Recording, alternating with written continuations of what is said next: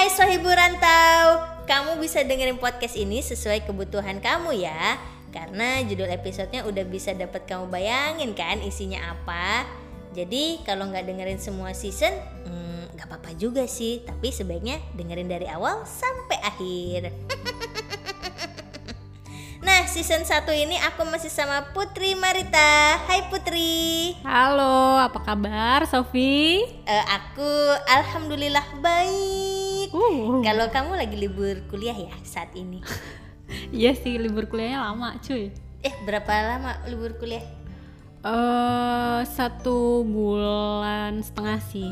Cuman kayaknya ada bau-bau mundur kuliahnya. Karena Eh nggak tahu juga mungkin lagi nyiapin sistem karena kita bakal daring kuliah sih. Hah itu akan berapa lama ya sistem? Baru tahu ya Kalau aku. yang aku denger sih masih dari eh, masih sampai tahun ini. Tahun depan kemungkinan kita udah bisa Oh. normal. Terus gimana? Tesis? Kenapa tuh? Tesis alhamdulillah udah persiapan. Nggak mau cerita yang tadi. Putri ditinggal sama temen-temennya guys. Enggak sih, mungkin karena bukan santuy juga, tapi lebih berpikirnya adalah oh oke semester ini ada seminar, jadi udah harus mulai apa namanya kayak attend-attend ke seminar orang gitu, seminar proposal orang. Ternyata udah ada yang lebih cepet lagi. Wow. Dan mereka nggak ngasih tahu kamu. Ada benar. Kasihan sekali pemirsa. Oke, lanjut aja kita masuk ke topik kita hari ini adalah eh, apa aja yang bisa dicari di Bali selain kuliah kerja dan leisure. Leisure lagi kenikmatan yang ada di sini. Nah, Put, menurut kamu nih ya, Mm-mm. apa aja sih yang bisa dilakuin di Bali? Oh banyak dong, kan Bali banyak tempat wisata juga. Mm-mm. Jadi menurutku tuh sebenarnya Bali tuh paket lengkap kerjaan, maksudnya kerja ada, terus mau liburan gampang. Abis itu mau seneng-seneng juga yang ala-ala kayak di kota besar juga ada. Dugem, Maksudnya kota oh Dugem, dugem, Oke, dugem ada baik. banyak. Cuman mau sekedar eh, nikmatin apa namanya tuh sunset ada. Mm-mm. Terus mau main-main ke mall yang karena nggak suka pantai atau gunung eh, ada juga gunung pun ada kalau mau hiking. Kalau ini ke eh, secara rohani Ada dong. Oh, ada justru juga. justru apa namanya? eh ya kalau di sini kan lebih banyak Hindu. iya yang Hindu ada lain? tapi jadi di setelah aku dua tahun dulu tinggal di Bali baru tahu kalau di sini ada salah satu tujuan Wali Songo hmm, eh, di daerah negara sana Iya. dan di Denpasar juga ada Ya, ya, ya, ya, ya, ya. Jadi semuanya lengkap. ada ada Nah, kalau menurut kamu sebaiknya eh, porsi yang baik untuk ngejalanin itu semua gimana? Maksudnya apakah kan kalau di Jakarta pada umumnya orang fokusnya sama kerja. Mm-mm. Liburnya itu ngerasa ke mall. Ke mall Mm-mm. itu buat mereka liburan. Ah, Oh, yang gitu aku ya? lihat ya.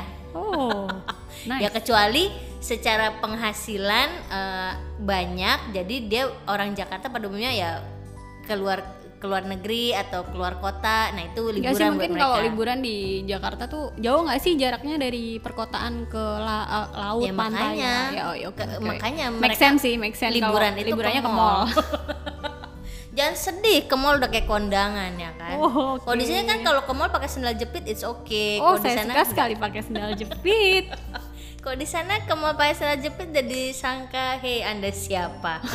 Ayo keluar-keluar. Ya menurut kamu porsi yang baik di, di Bali nih gimana?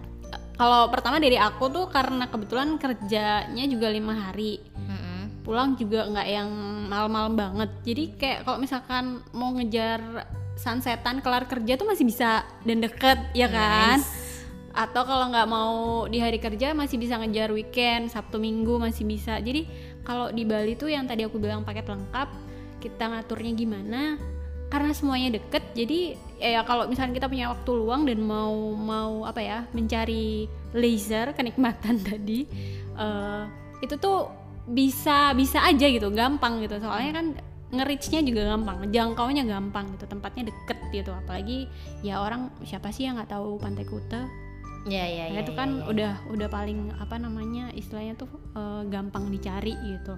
Jadi ya kalau aku biasanya kerja kerja lima hari kerja itu pulang Mm-mm. pasti udah capek lah ya. Mm-mm. Jadi ya istirahat milihnya. Jadi aku lebih seneng menghabiskan waktu untuk ngerasain yang namanya liburan di Bali itu ya weekend Sabtu Minggu. Entah itu Mm. jalan-jalan ke pantai, entah itu nge-mall, entah itu eh, pada akhirnya kayak karena sesekali aku pernah sih eh, arrange sama temen gitu kayak diving. Nggak sih aku nggak bisa diving sebenarnya. Kayak apa sih? Snorkeling ya? Snorkeling. Nah, snorkeling itu di daerah ini Padang Bay. Mm-mm. kan banyak tuh di sana Iya. tempat-tempat snorkeling kayak gitu. Jadi Eh mau udah or- pernah ke Amet belum?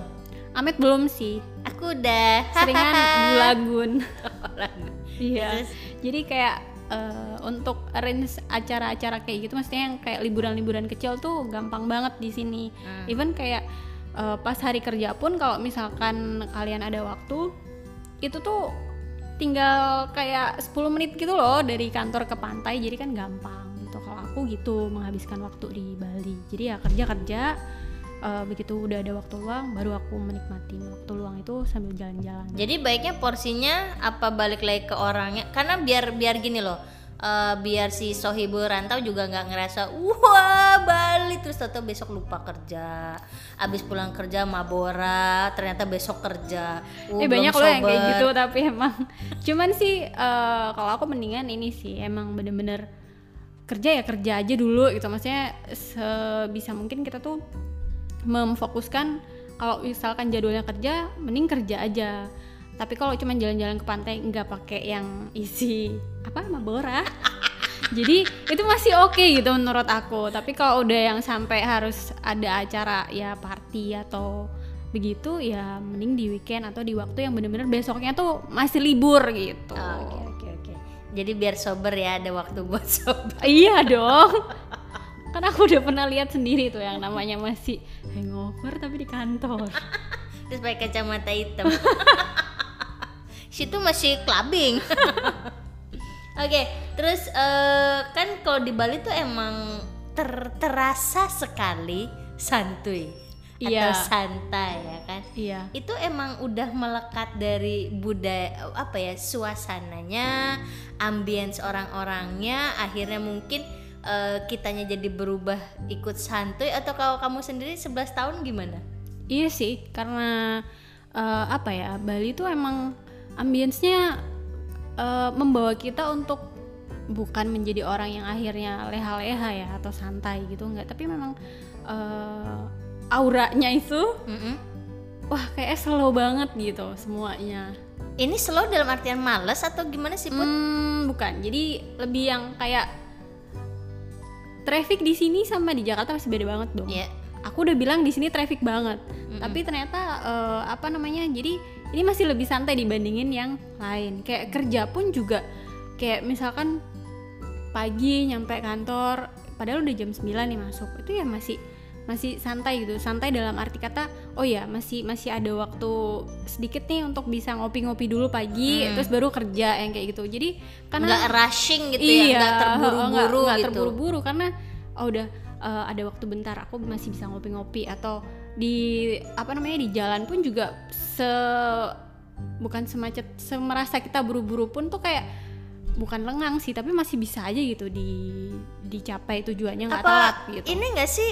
Aku aku sih soalnya ngeliatnya gini ya. Di sini tuh paginya ngerasanya lama. nggak nggak cuma juga sih. pagi sih jadi kayak Jadi malamnya satu lama. hari satu hari tuh rasanya emang Iya. emang lama di sini gitu Lama banget. Jadi kayak kita masih bisa kerjain ini, kerjain itu dengan benar benar benar gitu. iya iya karena aku ngerasa ya setiap bangun pagi nih jam 5 pagi subuhan itu aku masih punya at least dua jam aku masih bisa santuy baru Di aku berangkat kerja bisa. Jam 5 udah panik. Wow, nanti aku berangkat macet. Belaga gila.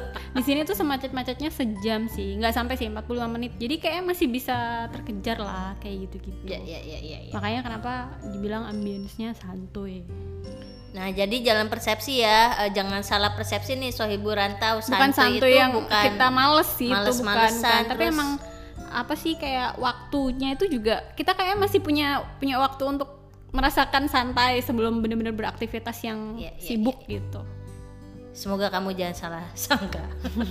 nah, uh, aku mau sampaikan ke Sohibu Rantau nih bahwa nanti kalau misalnya kamu merantau di Bali, itu tuh uh, selama merantau kamu akan mendapatkan atau menjadi pribadi yang lebih mandiri dan bertanggung jawab. Ya basic sih karena karena kita merantau. Terus juga uh, jadi orang yang mudah beradaptasi dan memiliki rasa ingin tahu yang tinggi. Soalnya kayak kalau Putri mungkin awal-awal jadi punya rasa ingin tahu kayak muterin Denpasar. Iya benar benar iya. bener gak sih Denpasar itu kotak kan? itu kan ada ada rasa ingin tahu ya iya, kan? Iya benar. Karena kita nggak pernah di daerah itu gitu iya, sebelumnya. Hal baru gitulah. Dan kita juga mudah beradaptasi kayak misalkan ya udah agamanya pada umumnya di sini Hindu kita menghargai kebudayaan Betul. yang ada dan mm -mm. kita lebih apa ya lebih bisa tenggang rasa lah maksudnya lebih berasa kok tenggang rasa di sini Terus selain itu kita akan punya kemampuan untuk survivor uh, atau menyukai tantangan sehingga kita berani mengambil resiko. Iya betul. Bener, bener banget. Contohnya apa kalau kamu? kalau aku ngambil resiko berani untuk jatuh cinta. Yeah. nggak kalau aku dulu emang nggak eh, nggak berani rider jauh, maksudnya motoran sendiri terus uh, ke area-area jauh dari hmm. Denpasar sampai ke Nusa Dua paling ujung gitu nggak ya, berani. Ya, ya. Kalau sekarang udah udah ya udah biasa aja. Nah terus juga kalau kamu soibu rantau uh, pindah ke Bali atau merantau ke Bali itu kamu juga akan memiliki uh, melihat segala sesuatu itu dari dua sisi. Jadi Betul. menekan arogansi. Betul. Mungkin kalau dulu, wow ini daerah gue ini segala macam apa-apa gue kalau di sini emang lebih ngerasa apa ya ya itu tadi tenggang rasa ya mm -hmm. jadi kita ngelihatnya semuanya tuh lebih objektif kayak ya udah sih orang emang dia begitu ya udah nggak usah mulut lu rame anjir mm -hmm. gitu jadi nggak usah pakai ego-egoan. Dan terakhir adalah kita akan lebih mudah mengikhlaskan sesuatu. Kayak yang kelima nih agak berat ya. Tapi benar nggak pun benar-benar karena aku lagi belajar. Oke. Okay cuma mungkin emang emang itu basic anak rantau apa apa enggak hmm. apa emang karena di Bali? Enggak di Bali aja dong. Di semua tempat sih menurutku kalau kita menghadapi sesuatu ya uh, belajar ikhlas penting Jadi, Putri mungkin ada tips and trick selama uh, buat sohibu rantau hmm ini aku mau nambahin dikit aja sih. Sebenarnya sama kayak poin yang keempat tadi ya. Kayak hmm. apa tadi? Menekan arogansi gitu yeah. ya. Jadi mungkin berpegangnya kalau kata pepatah tuh di mana langit di junjung di situ eh di di mana bumi dipijak di situ langit dijunjung. Nah itu benar banget. Jadi ya uh, jadinya kita bisa beradaptasi menekan ego dan bisa belajar bahwa nggak selamanya kita itu sama pasti akan perbe akan ada perbedaan jadi belajar untuk uh, menghormati perbedaan itu penting Ya ya ya. Karena tuh biasa aku juga ngerasa banyak perubahan ketika aku ke Bali. Uh, dulu di Jakarta tuh arogansiku lebih tinggi banget. Oh, sangat, I see. Sangat, Saya ya. melihat melihat sekali Sofi dengan arogansinya, saudara-saudara. Iya, aku tuh pernah berantem sama Putri, guys, karena aku memang arogan anaknya gitu, sering ngegas. Cuman ya dari dari sejak tinggal di Bali lah lebih lebih kalem lebih bisa ngelihat aku kalem kan? Bodoh. Males. Itu aja yang aku mau tambahin. Oke okay, oke. Okay. thank you put. Jadi buat sohibu rantau buat kamu yang masih berpikir-pikir lagi ke Bali jangan lupa dengerin podcast anak perantauan di Bali